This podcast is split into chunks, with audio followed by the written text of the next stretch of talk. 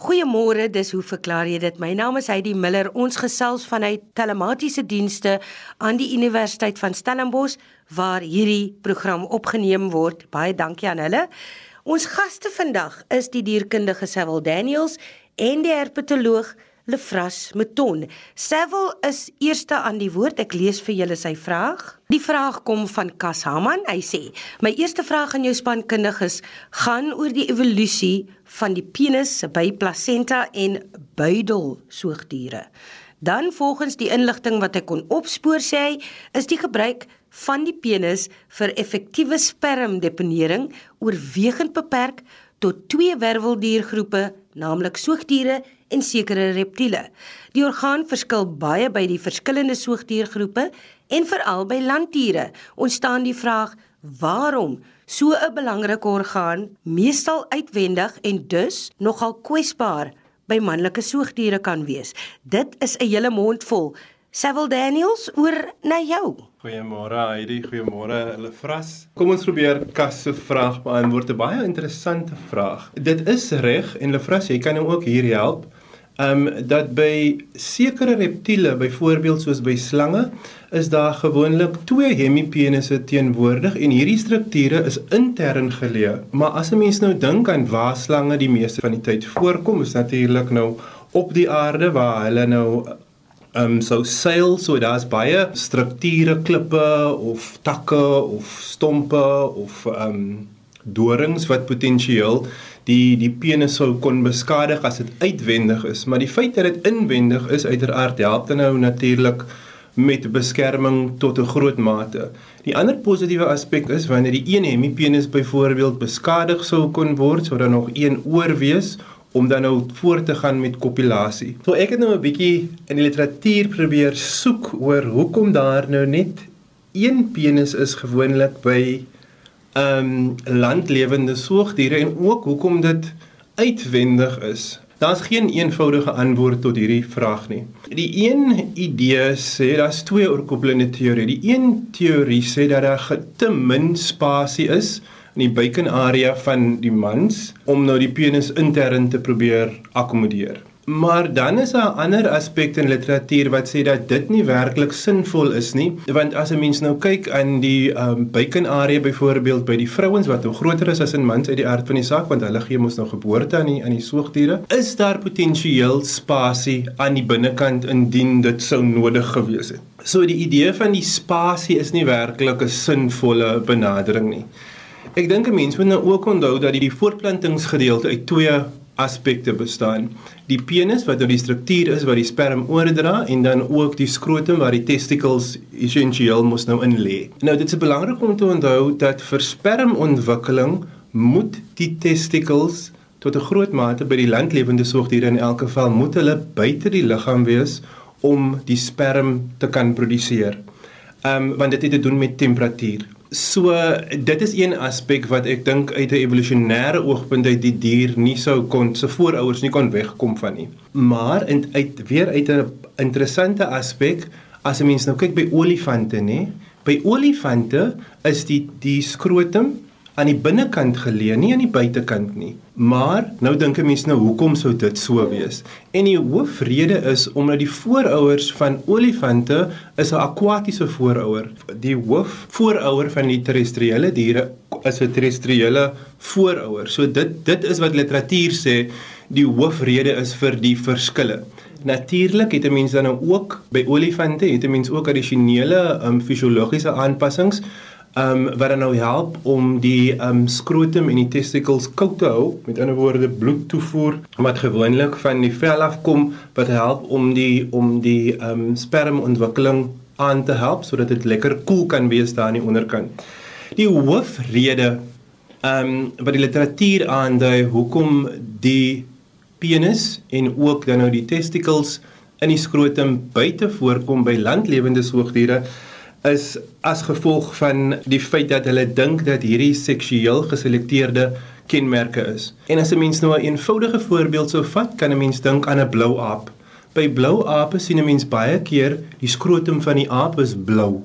Nou gewoonlik vir mense beteken dit nou niks nie, maar vir die wyfie beteken dit gewoonlik hoe blouer die skrotum is dit 'n indikasie van daai mannetjie Hy het 'n goeie genetiese samestelling. Dit is 'n meganisme vir seksuele seleksie. So dit is wat die mense oorkoepelend dink die rede is hoekom die penis en dan ook die ehm um, die skrotum met die testis aan die buitekant is by ehm um, landlewende soogdiere en nie aan die binnekant nie. Maar soos ek nou net voorheen gesê, die antwoord is nie noodwendig eenvoudig nie, maar ek dink die idee van 'n seksuele uh geselekteerde geïdentifiseerde kenmerk is die mees ek wil sê akkuraatste nie maar dit die meeste bewyse daarvoor ehm um, werklik kan gelewer word. Sy wil uh mes dink maklik aan landwerweldiere asof almal nou 'n penis het, maar dit is natuurlik nie so nie. Uh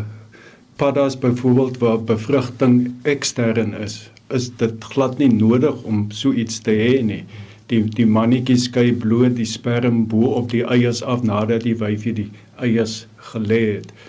Uh by slange akedisse wat jy genoem hemipenisse, dit is natuurlik nie vergelykbaar met soogdiere uh se penis wat die die die die sperm daarin afgevoer word. Dit is maar net twee kom ons sê buislose strukture wat eintlik maar net help om om die die kloaka van die van die wyfie slang of akedus oop te maak sodat die mannetjie sy sperm wat ook uit sy kloaka uitkom te kan deponeer. So sommer net interessantheidshalwe ja, dit is maar eintlik maar soogdiere, né? Hmm. Voëls ook die meeste voëls het ook mos nie 'n 'n struktuur nie. Die kloakas word maar net so te mekaar gedruk tydens paring. So ons praat eintlik maar dan nou van soogdiere mm. nê waar die geslagsorgane uh, buite is en natuurlik waar bevrugting intern is en daarom is 'n penis dan nou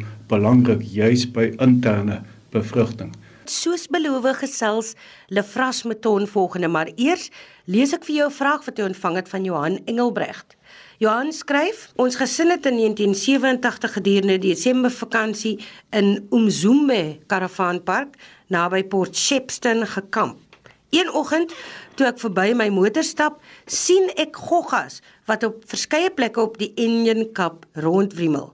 Dit lyk toe asof dit spinnekoppies is wat deur wespes gevang is, maar by nadere ondersoek sien ek dit is die teenoorgestelde. Die wespes se middellyf was stewig vasgeklem in die spinnekop se kake. Toe ek later rustig onder 'n boom sit, sien ek verskeie spinnekoppies wat blyk sweef in die ligte briesie. Dis toe die hele tyd spinnekoppies wat van 'n lang webdraad afhang met hul pote aan weerskante bymekaar gehou sodat dit soos vlekkies dien. Ek was verbaas om te sien hoe hulle op die manier sweef totdat 'n wespe naby is en dan met 'n swierlike swenkslag toeslaan en dan afval grond toe. Ek sou graag wil weet of die gedrag bekend is en wat 'n spinnekop dit is. Lefras Meton het jou antwoord Johan Engelbrecht. Dankie Heidi. Uh, ek weet nie of ek die antwoord het nie, maar maar Sewil sal seker kan help ook later. Nou ek dink eerstens Johan het 'n geheue soos min want Die spinnekoppe moes in 1987 'n baie groot indruk op hom gemaak het want dit is al lank gelede. Hy beskryf die spinnekoppe se gedrag baie mooi, maar ongelukkig het hy nou nie 'n foto saamgestuur nie en dit maak dit natuurlik nou baie moeilik om die spinnekop te identifiseer.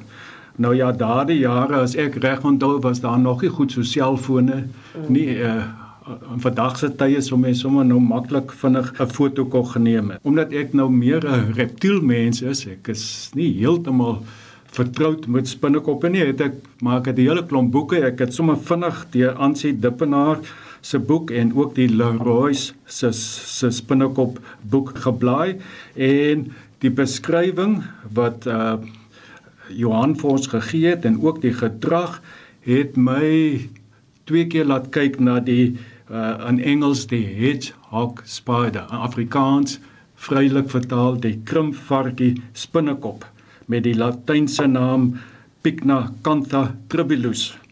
Uh nou die gedrag soos hierdie outeurs dit beskryf stem baie ooreen met dit wat Johan waargeneem het. Nou hierdie spinnekop uh behoort tot die familie Araneidae en is veral bekend van die kusstroke uh van die Oos-Kaap en KwaZulu-Natal.